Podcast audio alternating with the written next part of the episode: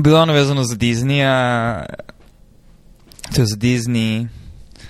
kao novu formu organizovane religije u sekularnom društvu. Ne znam to tema koju hoćeš da načneš ili si imao nešto drugo u vidu. Da, pa meni samo mi to sad pamet pamet da smo spomenuli kao potencijalnu temu. Potencijalna tema da ljudi imaju svoje idole kojima se uh, poklanjaju, koji je Disney u poslednjih deset godina okupio u, u, u svom panteonu Marvela, Ratova zvezda, Disney princeza i ostalih. Mislio si na tu priču? Pa da, da onak na tu priču, ali možda ne sa to... Mislim, ne, ne, pospuno to sa neke ono pretarano kritičke tačke gledašta, osim sa strane odgovornosti samih kompanije i pretpostavljam svesti koju pretpostavljam da imaju. Um, ali mi je samo kliknulo kao ideja da je, mislim, čisto nije to sad neka, ne znam kakva ono, nova ideja, nije kao da nismo bili izloženi njoj ranije, ali nekada samo ideja drugačije klikne zato što i drugačije perspektive i iskustvo se upliću to u drugačijem trenutku kako se stari i onda mi je totalno bilo jasno i logično zašto neki od naših prijatelja u sekularnom u ovom sekularnom društvu ljudsku potrebu koju shvatam da postoje za nekom vrstom traženja smisla u nečemu, da li se to izražava kroz neki religiozni ritual ili šta već, ali a, na neki način možda iskazuju time što a, vezuju deo svog identiteta za taj osjećaj zajedništva i okupljanja koji je, ako ćemo budemo cinični, ovde u svrhu prodaje proizvoda a, i sticanje para brendu Disneya. Mislim da su tu dve različite stvari. Jedno je potreba za bajkama, legendama, herojima, pričama, što je postojalo mnogo pre, čini mi se, organizovane religije. Ne znam, ne, nisam baš toliko duboko zašao u, tematiku. A drugo je pitanje smisla života, spiritualnosti, religioznosti i tako dalje. Mislim da ono što Disney radi potpuno ispunjava ono prvo, nisam baš toliko siguran da, da se ovo drugo potvrđuje, osim ako ne misliš da je zajednički odlazak u bioskop, da se odgleda novi Marvelov film, ekvivalent odlaska ne znam, na božićnu liturgiju, a da je slušanje podcasta o najnovijoj epizodi Mandaloriana ekvivalent odlaska u crkvu nedelju da se sluša propoved koji je ono u nekoj zapadnih crkava. Uh, sa te strane da, ali mislim da se ni ti ljudi ne zavaravaju da, je, da to daje njihovom životu, ne znam, nijekakav smisao, to je više zabava. A popunjava onu prazninu koju ostaje ljudima koji treba da, ne znam, ako treba da objasniš detetu zašto nije dobro biti zao, nekada su ljudi davali primere iz Biblije, a sada kažu, pa vidiš, ovaj negativac, onaj negativac iz ovog ili onog Marvelovog filma ili Voldemort ili neka druga savremena priča, jer sada ni roditelji ne znaju biblijske priče, a kamoli deca, tako da ne možeš tako da pričaš sa njima. Tako da su, mislim, to dve odvojene stvari. Disney definitivno popunjava jednu od njih, dobro ili loše, ne znam. Mislim da je jedna od karakteristika hrišćanstva to što je jako dugo popunjavala obe praznine u životima ljudi, što je davala i te priče, legende, bajke i smisao života, šta god. To se sada opet razdvojilo. Ne znam da li je to dobro ili loše. Da, problem kad se diskutuje u stvarima koje su neki način, mislim, neću kažem ezoterične, ali se opet dotiču pojmova i imenice koje su definitivno abstraktne, samim tim moraš da se pobrineš da ono što ti podrazumevaš pod određenom definicijom isto što ona druga osoba podrazumeva i onda kad vidiš da se definicije poklapaju odakle kreneš u dalju diskusiju jer najgore je ono kad kreneš da diskutuješ misleći da druga osoba definiš neki pojem isto kao i ti a onda shvataš da nije ne, možda čak ni neslaganje ili da nije toliko veliko neslaganje koliko je neslaganje u, početnim definicijama tako da se bolje izrazim Um, ne mislim da konzumiranje sadržaja koje proizvodi Disney ili neka druga kompanija zabave koja proizvodi medije, znači medijska kompanija a, se preslikava jedan na jedan sa onim što je re, organizovana religija bila lupa pre 60-70 godina, ali da mislim da kad si baš eto podcrtao da su to dve različite stvari, jesu, mislim, slažem se da su dve različite stvari, ali mislim da su povezane na način na koji su priče, um, mitovi, heroji, legende, um, alatka kojom se služimo da objasnimo neke stvari u smislu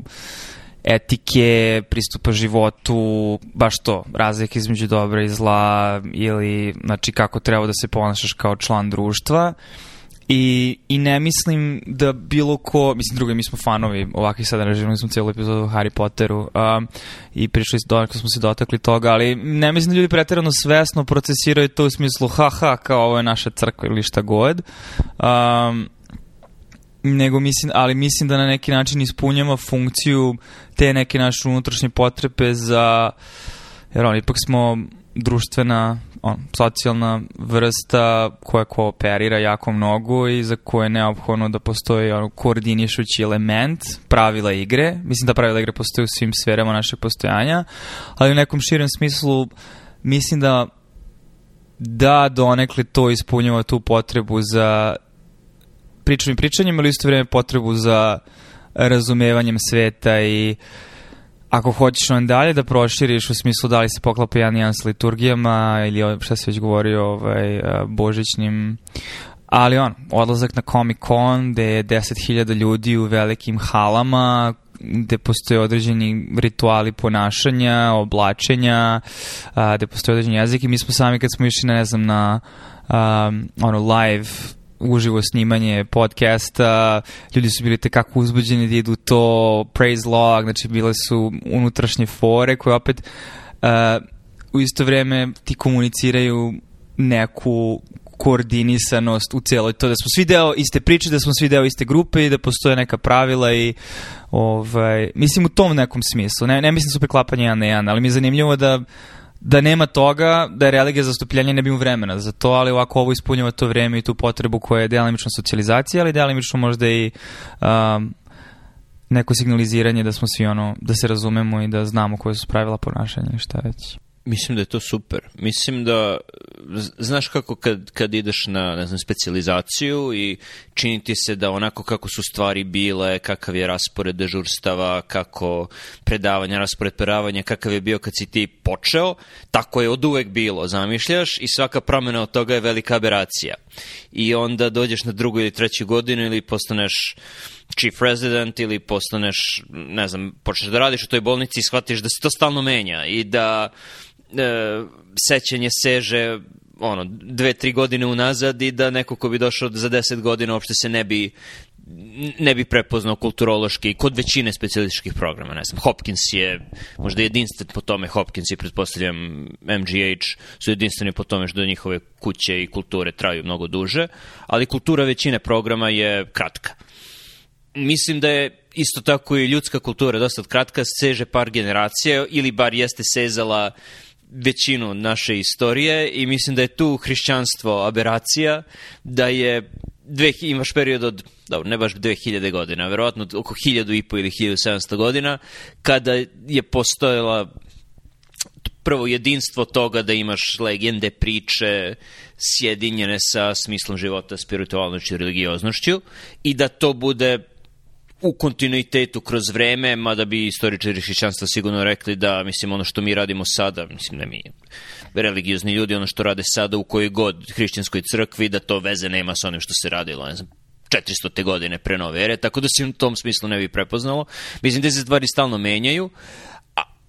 ono što je možda bilo jedinstveno za hrišćanstvo je da je veliki deo sveta radio jednu istu stvar, bar u jedno određeno vreme, tako da ako ne vremenski, onda je bilo bi neko prostorno jedinstvo a sada se i to prostorno jedinstvo razbija, Mada u, jednu, u, u jednom pogledu, mada u drugom pogledu prostor postaje sve manji, jer geografski više to nije toliko bitno, jer je dosta tih stvari sada virtualno i sada jednako može da prati, ne znam, Marvel univerzum neko u, u Beogradu, DC-u ili Seattleu ili, ne znam, Bangkoku, gde god. Ili ima smisla to?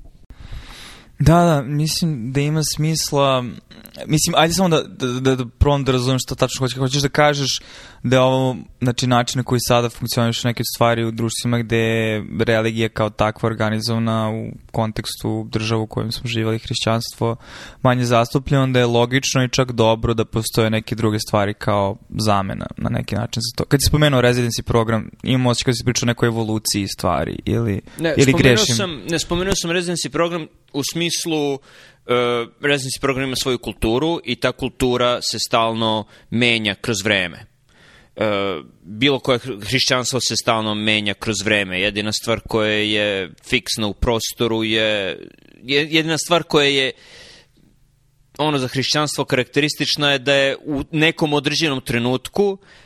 ista pravila, iste priče, isti procesi su se dešavali na većini geografskog područja gde je hrišćanstvo postalo, tako da je u tom smislu okupljalo različite lokacije i sada se to razbija, tako da više ne možeš da kažeš da je...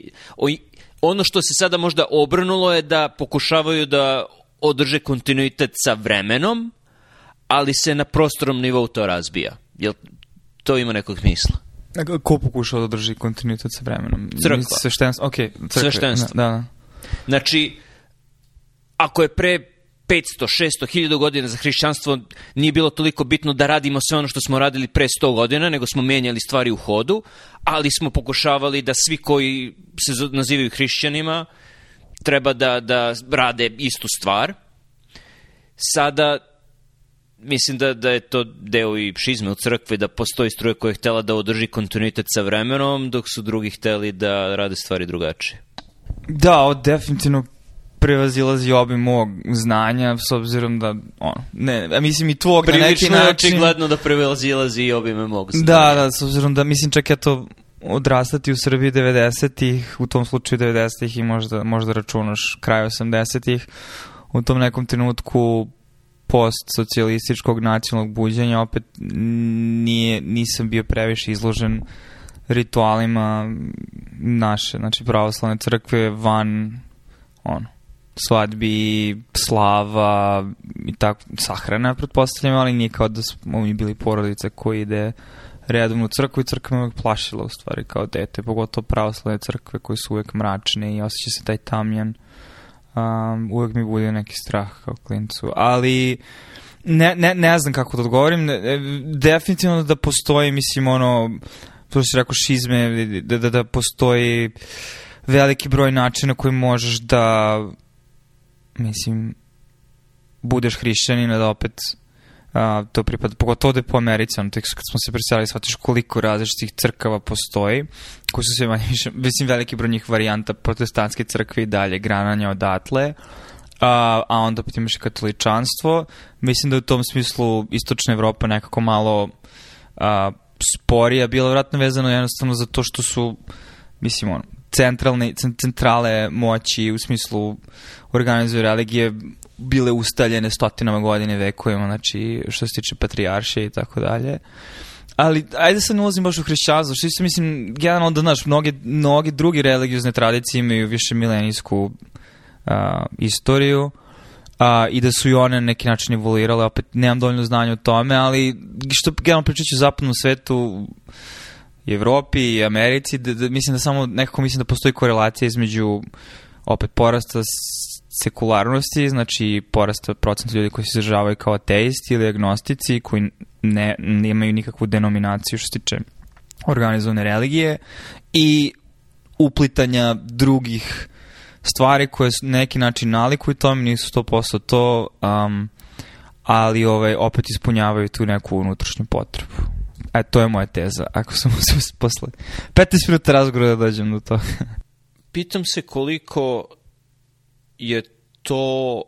problem zapadno hrišćanske crkve više nego pravoslavne, jer po onom, onom malo što znam i, i o pravoslavnoj crkvi i, i o zapadnim crkvama, koliko god da ih ima a ovde kad si u Vašinu samo idi 16. ulicom i činit će ti se da ih ima milion, je da istočna crkva ima neki, ne neki, mnogo veći stepen misticizma, nema propovedi, nema tog pričanja, ako čujem da sveštenik priča o nečemu, uglavnom će citirati direktno šta je Hrist rekao tada i tada i citirat će reči iz Novog Zaveta,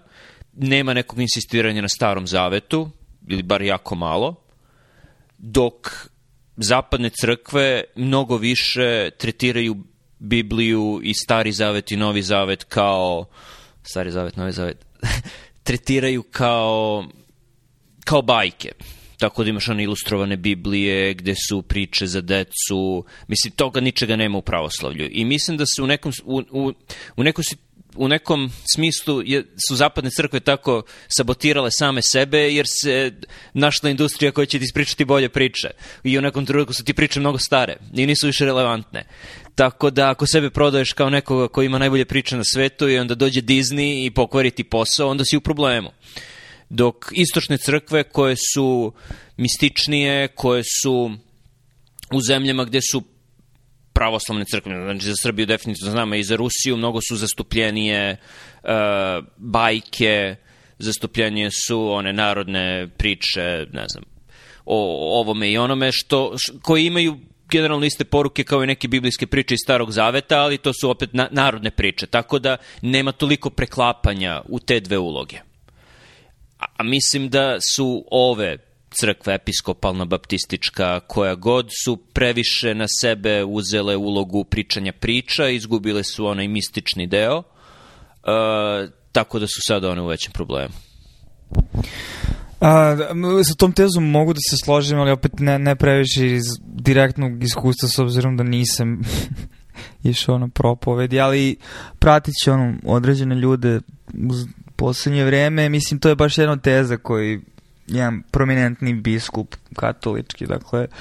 a, zastupa, to je da u Americi, generalno u Severnoj Americi, znači Kanada i Amerika, mislim dobro, osim skandala vezanih za crkvu koji definitivno uticu na popularnost crkve, je daleko toga da pravoslavna crkva nema svoje skandale. Um, da je u velikoj meri razlog za opadanja učestvovanja u organizovanim obredima i tako dalje, znači od, od odlasku u crkvu a, su krive same crkve po sebi, a baš to teza koju on zastupa, koje meni ima smisla je da su a, nisu toliko participatorne, znači da ljudi ne učestvuju toliko u tome i to što si rekao da ovaj, gubi se taj neki misticizam, preveliko, previše bukvalističko tumačenje i, i prepričavanje stvari. Jer opet kad razmišljaš, mislim, ti tekstovi koji god Bibliju da, da, da uzmeš, mislim, postoji razlog Znači, to su, to su bile usmene predanja koje su u jednom trenutku bila zapisane i prerađivana generacijama. Znači, koliko je ljudi učestvovalo u sa, sa, sa sazdavanju svega toga, a, u stvaranju svega toga, tako da verujem da gomila metafora na koji su ljudi, i to je ono što, mislim, jedna teza koja meni jacim jako bila zanimljiva, zašto me uopšte ono, razmišljam u tim pravcima, zašto konzumiram sadržaje koji se tiču tih pravaca, je zato što i ono, mi ne znamo i pravimo, a opet tiče se knjige koje se nadam da ćemo skoro pričati o tome, a to je da mi projektujemo svoje trenutno trenut, svoje trenutne načine razmišljenja, možeš da nazivaš i psihotehnologijama u smislu, a i mi smo se dok, dotakli do toga ono, modela mozga kao parne mašine ili modela mozga kao kompjutera. Sve su to metafore kroz koje mi objašnjamo sebe sami sebi i svet samima sebi uh, i sebi samima i uh, kada projektuješ njih i pokušavaš da interpretiraš prošlost, praviš potencijalno veliku grešku ili često pojednostavljuješ način na koji su ljudi živeli ili kako su razmišljali, tako da upitno je, razumeš, da li su ljudi pišući te tekstove bukvalno ih shvatali kao što se recimo neki njih sada propovedaju ili su to jednostavno bile alegorije i metafore kroz koje su ti ono bile dovoljne da ti zaokupe um i pažnju i onda da opet, mislim ne znam, ako ćemo pričamo čisto pragmatično, ono, ka usklađivanju i koordinaciji koje dovodi nekom balansu. Znaš, pošto je razlog što postoji deset zapovesti, zato što u društvu koje na koje, na, na koje nema stid i u kome ubiti ili činiti stvari koje čine drugima zlo, to društvo koje ne opstaje. Mislim, zato, zato mislimo, znaš, neke stvari uzimamo zdravo za gotovo, ne razmišljaš to, pa dobro, postoji razlog zašto je neko to zapisao i zašto su ljudi bili pratili to i da postoji rizik od ekskomunikacije ili rizik od neke vrste ovaj, on, ostrakizacije ako prekršaš neko od tih zapovesti vidljivo. Uh, tako da da, zato mi, zato mi je zanimljiv interpretacija svega toga u smislu da li su ljudi to ranije tumačili na, na, na, na tako bukvalistički način ili na neke druge i u stvari više ono zato što nekako mislim odrastajući da smo svi ovako generacijski kao millennials ili šta već kako hoćeš, zanimljivo kako postoje paraleli sa ljudima iz Srbije i ovde. Neko bez I naravno, ne kažem, ne, nije da ne postoje razlozi zašto je crkva sama po sebi organizovana religija odbojna, pogotovo koji su u Srbiji i odrastao 90-ih i crkva imala tu svoju ulogu i crkva ima i dalje svoju ulogu u trenutnom stanju u Srbiji. I tada ide da ne ulazim sad u politiku i mešanje u politiku, ali definitivno da već kao dete ti možeš da skapiraš neku vrstu ono uh, mislim neću kažem licemerja, ali ono dvoznačnosti ili dvoličnosti nekih aspekata i onda de facto onda odbiješ sve, ali opet postoje drugi ljudi koji, znaš, čisto sumnjam da monasi na Halkidikiju ili na Fruškoj gori i tako dalje, sigurno možeš još neke mudre stvari od njih i, i mislim zašto je meni sada čita ta tematika prijemčiva, zato što mislim da sad ono u, u, u eri uh, nauke i dalje se vrlo ponašamo i dalje su nam potrebne stvari da nas vode kao vodiči, jer de facto ćemo se organizovati na ovaj ili onaj način u nešto slično religiju, a jedna od epizoda koje smo sticali, recimo, ima mnoge aspekte religije. Mislim, da kažem, kulturološki moment i, i ideologija ima mnoge aspekte religije. Postoji razlika između in grupe i out grupe, postoji um, osuda od strane in grupe za pogrešno ponašanje, postoji osjećaj stida, osjećaj greha, znači svi ti neki aspekti, samo što mislim da ljudi zavaravaju sebe kada misle da su razumni i racionalna bića u celom svemu tome, ne shvatići da se služe manje više istim aspektima naše kognicije, naše psihologije koji, kojim, kojima se služila organizovana religija pre 1000-2000 godina. Ajde ne ulazim previše tangente, kapiram da imaš nešto da dodaš na to, ali to je otprilike neki tok misli, ono pa sad.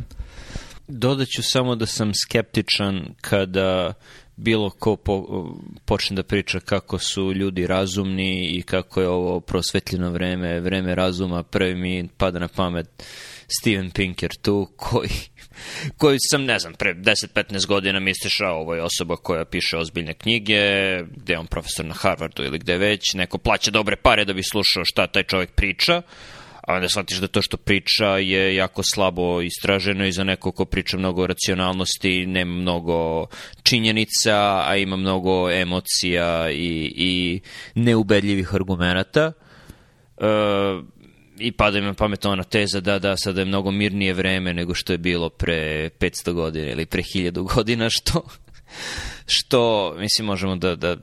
uđemo u detalje te izjave, ali ovo je mnogo opasnije vreme i opasnije od, ne znam, 45. godine, da budemo precizni, a i pre toga. Ono, 20. vek je, je bio katastrofa što se toga tiče, mada ako izračunaš broj mrtvih u odnosu na celokupnu ljudsku populaciju, možda i nije toliko loše. Ali uh, mislim da uh, hm, mislim da je zanimljivo kako se čak i od ateizma napravila crkva, da i novi ateisti kome, ne znam da li je Pinker tu primer, ali definitivno Dawkins i Sam Harris i još par ljudi uh, koji insistiraju, koji su militantno antireligiozni i protiv uređene crkve, kako, isto to što pričaš o in-grupi i out-grupi i osjećaju, osjećaju stida i srama, kako oni to apsolutno repliciraju i pričaju o, ne znam, crkvi, ne kažu crkva, ali humanistički pokret ili ovaj pokret, ovaj pokret. I uvek se sve, sve, svede na to. Mislim da smo, ono što je karakteristično je da smo socijalna bića i da ne marimo mnogo za razum i šta su razumne stvari, nego više marimo za odnose, pre svega sa ljudima koji su blizu nas, a onda sa ljudima koji se slažu sa nama, bilo da su blizu ili daleko virtuelno, i, i mislim da je to glavni organizacioni princip čovečanstva, uh, međuljudski odnosi. Čak i mislim da naš mozak nije pravljen za toliko za razum i za samorefleksiju, da je to modernizum, relativno, ono, par hiljada godina u poređenju sa stotina hiljada godina čovečanstva. Mislim da je naš misaoni i govorni aparat pravljen za razmišljanje u grupi i za ubeđivanje drugih ljudi i da onda tako kroz dijalog ili grupni razgovor dođeš do dobre odluke, a ne toliko da ti sam sediš u fotelji, misliš duboke misli i tako dođeš do nekog epohalnog otkrića. Mislim da zato čak i ako pričamo o velikim naučnim otkrićima, često, ne znam ali isključivo, ali često to je, mislim, sada su deljene Nobelove nagrade česte, Uh, čak i ako mislimo i o nekome kao što je Einstein, ako pričamo kako je Mileva Marić dosta toga doprinala, mislim da je ono što je najviše doprinala je da je Einstein imao s kim da priča o svojim razmišljenjima i da je u tom smislu imao, imao nekog, mogao nekoga da odbija ideje. I da imali smo u nekoj epizodi to grupno razmišljanje i to priča, neću da se ponavljam ali mislim da mislim da sam skeptičan i ono digne mi se antene svaki put kad neko pokrene razum, racionalnost i, i slične, slične pojmove. Zanimljivo što to se kaže, zato što ne znam koliko epizoda mi već vodimo polujavni dijalog, te raspravljamo o različitim idejama, i, ali slaže se tim da u grupi, da, da govorni aparat evoluirao da a, razmišlja u grupi zato što dok ti ekspresiraš nešto, eksprimiraš, izgovaraš nešto, da se upotrebim. A, u isto vreme, da, pozivaš na to da ti neko kaže ekspresija, kakva je to reč, ili lupam, da ti jednostavno možda neke greške u razmišljanju koje ti ne bi očio trenutku dok praviš taj sadržaj, da ga ispoljavaš, ispoljavaš, um, da, da ovaj, ti skrene pažnje. Mislim da to, to funkcionalno bliskih ljudi, porodice, prijatelja. Između ostalog je to ono da kad zađeš u neke svoje uh, sumanute ideje, da te ljudi daju ono reality check, čekaj ovde, gde si otišao, znaš, kao, ono, nema veze sa životom, ako tim ljudima stalo do tebe, naravno, jer ono, najgore kad imaš prijatelje koji ti nikad ne kažu kad nešto nije u redu, nego je sve okej. Okay ne znam li ti ti ljudi žele dobro, od prijatelja želiš da čuješ. Mislim, da od prijatelja najbolje možeš da čuješ oštru kritiku, zato što uh, podrazumevaš dobru nameru od samog starta. Hoćeš nešto dodaš ili... Ok. Um, Da, tako da zanimljivo taj dijalog, zanimljivo sad se dotačimo neke tema, kad budemo više konzumirati pričamo o tome, ali opet je Verveki, o kojem, smo spomenuli, baš piše priča o tom dijalogosu i opet Platon, Sokrat, dijalozi itd. itd. Znači, istorija čitava ono ljudske civilizacije da smo izgradili mnoge ideje i stvari kroz dijalog, um, a to što kažeš uh, sposobno za refleksiju u velikoj meri jeste barem ono, po tim tezama koje sam uh, konzumirao jeste veliko meri vezana za pisanje i sposobnost da eksternalizuješ svoj mislani proces i ono da ga ponovo sagledaš, pa da ga ponovo isprocesiraš, pa ponovo da napriš nešto novo, pa opet da ga sagledaš. Jer kad imaš samo unutrašnji monolog u svojoj glavi, jako lako možeš da uđeš u slepe rupe, u ponavljajuće cikluse, začarane kruge, šta već, sle, ove slepe ulice. Um, tako da mnoge stvari Pa čak i ona što ćemo pričati mindfulness, u kojoj postoji različitim, mislim, koja opet ono, kako bi preveo loaded term? Um. hmm. Kontroverzni termin? Ne. Uh, dvosmisleni termin. Uh, mm. Mislim da, termin koji u sebi više nosi značni, više značni, da, više značni, a često sklon pogrešnoj interpretaciji. Uh, ali to, ta, to je isto neka vrsta, ako možeš poslušati s tog aspekta psihotehnologije koja je na različite načine sa različitim ritualnim ritualima i, i praksama otkrivena u različitim vreme, na različitim mestima i kodifikovana u različitim religijama, ali je zanimljivo da postoje paralele, znaš, između hrišćanstva i između budizma i hinduizma i islama i tako dalje. Um, tako da, da, psihotehnologije kojima se trudimo da pobedimo svoj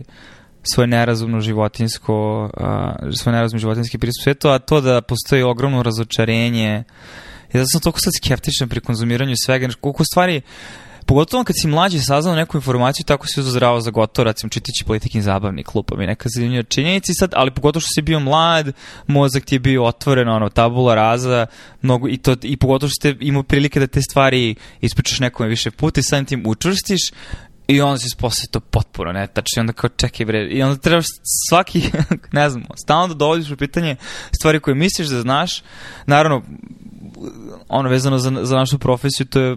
od samog starta bilo tako, a što više vreme prolazi, postaješ svesni kako je to bitno, ali čak za svaku drugu stvar, ono, ne znam, i čak čitajući primerne izvore na kraju, opet je taj primarni izvor je neko napisao, znači nisi ti bio na tom arheološkom nalazištu, nisi ti gledao te podatke direktno, nisi ti čitao te tabele, sve tabele koje publikuju različite države o svom bruto proizvodu, što god. Ali svaki put sve što čitamo su priče drugih ljudi i njihove interpretacije stvarnosti, koje je često pogrešna.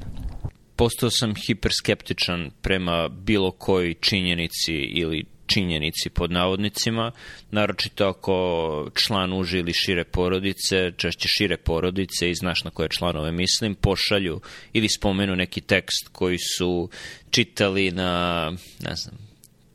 sajtove na srpskom portale, Kurir, Informer, Blitz, šta god od toga, i onda čekaj, stani, naročito ako u pitanju ono, zdrav, lepota i zdravlje ili, ili neka slična rubrika, ali čak i ono istorija, društvo, šta god.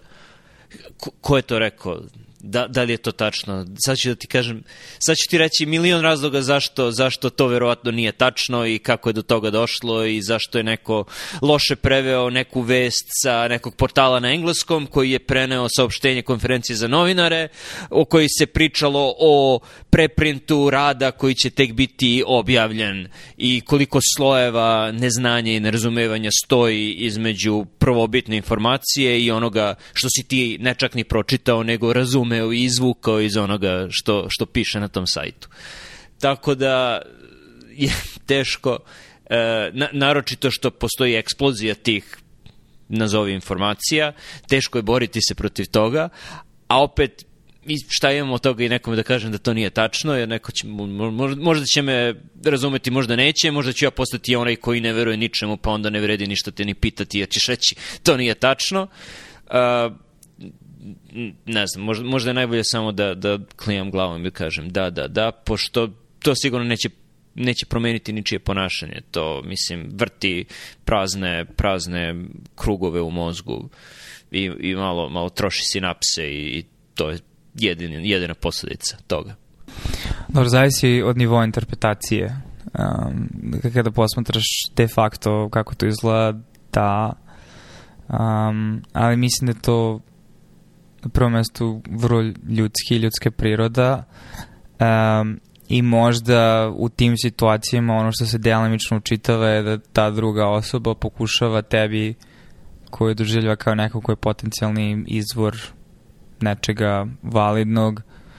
a, pokušava znači da kroz tu deljenje informacije isto vreme signalizira hej šta misliš o ovome? i želim da čujem tvoje mišljenje čest, nekad je eksplicitno to, nekad je to samo onako implicitno, znači samo kad neko podeli nešto s tom. Ali u isto vreme ispunjava ulogu toga da, hej,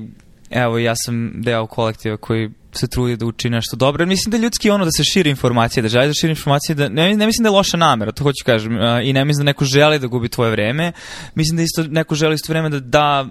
sebi na značaju, da je eto, bitan izvor informacije, što ti znam drugo, pogotovo što postoje čitave grupe i grupacije ljudi koje mislim, te informacije se šire, znači nije kao da ljudi koji kad dodaju tu informaciju tebi, da ta informacija proističe od njih. To znači da ta informacija prošla kroz luke stotine, možda i hiljada ljudi koji su imali istu ideju, e, ovo je dobra informacija, trebalo bi da čuješ. Jer generalno jesmo socijalna bića gde kroz trač, naš, provlače se stvari, šta je bitno, šta nije bitno, a pogotovo kad imaš veliko nepoverenje, kao recimo u našoj državi, u odnosu na bilo koje zvanično glasilo po znacima navoda, tako da u cijeloj toj šizofreniji možda potreba da se proširi ta informacija u nju isto vreme učitana i potreba za kritikom tih informacija i isto vreme potreba za validacijom dobre namere te osobe da želi da doprinese opštem diskursu. Um, ali kada je pri a to jedno što ćeš proceniti na toga da kako, kako dalje se stvari razvijaju, zato što ako neko kontinuirano, be, a da ne usvaja stvari o kojima ste već diskutovali, za koje ti misliš da su usvojene, um, onda prepostaje da začarani krug i onda možda ima samo neku socijalnu funkciju kontinuirane razmene koja ispunjava samo to. Da se vratim na početak našeg razgovora, mislim da to mlaćenje prazne slame i konzumiranje bespotrebnih informacija da bi neki portal dobio klikove ili preglede da bi naplatio bolje svoje reklame ili kako god sada moderna ili ne više ne čak ni tako moderna 15 godina stara internet ekonomija funkcioniše. Mislim da je to posledica toga što ljudi imaju previše vremena da, da misle o tome, jer, jer ne rade toliko kao što su pre radili, ako su ikada radili, i, ili ako nisu to radili, bar bi bili u nekom klubu, imali hobije, išli u crkvu. I mislim da je crkva dosta tog mentalnog kapaciteta okupirala ranije, tako da je ona na neki način služila kao, kao ograničavajući faktor da ti misli ne vrludaju baš toliko. I u isto vreme ti je ograničila krug ljudi sa kojim si od kojih dobijaš informacije. Mislim da sada kada toga nema, da, da je to otišlo na sve strane i mislim da još uvek ne znamo da je to neto dobro ili loše, bar, bar ta uloga koju je crkva imala, ono, iz ličnog iskustva mislim da je to neto loše za većinu ljudi. I naravno nikad sebe ne uključuješ u tu grupu ljudi za koje misliš da, da lošije prolaze, ali drugim ljudima treba crkva. Dobro, bar sposobnost za samorefleksiju nije u potpunosti atrofirana, tako Ali ne, znači se to što ja ovo, e, mislim da, ono, to što kažu, to, to nije istina, znaš, to je sad onaj klip, ono, pre 20 godina što je kružio još pre interneta u Srbiji i da, jako je lako ono epistemološku krizu razrešiti time da budemo cinici da kažemo ništa nije istina. Mislim da se malo dotaknemo ono čemu se prethodno pričao, ali u isto vreme da emotivno prebujemo kao što si ti emotivno prebojao, da, delimično mi je ono, zanimljivost, ljubopetljivost, što god, ali isto vreme delimično obazrivost. I da li u stvari ovo, sve o čemu mi diskutujemo ono, u krug, ad nauzeam, vezano za možda neko ono previranje opet one gutenbergske nalik na gutenbergsku ali više struko većom i, i, i, i, i po, ve, po većim posledicama po društvu krizom u kojoj tek uplivavamo u koju smo zašli u zadnjih nekoliko godina, naš može da kažeš 2016. i godine pre te da je možda bio neki kritičan moment s obzirom da se tada prvi put diskutovalo o tome, ali daleko od toga da i 2010-ih nije već bilo portala, blogova, širenje dezinformacije i tako dalje da, da, da ćemo tek se naći u,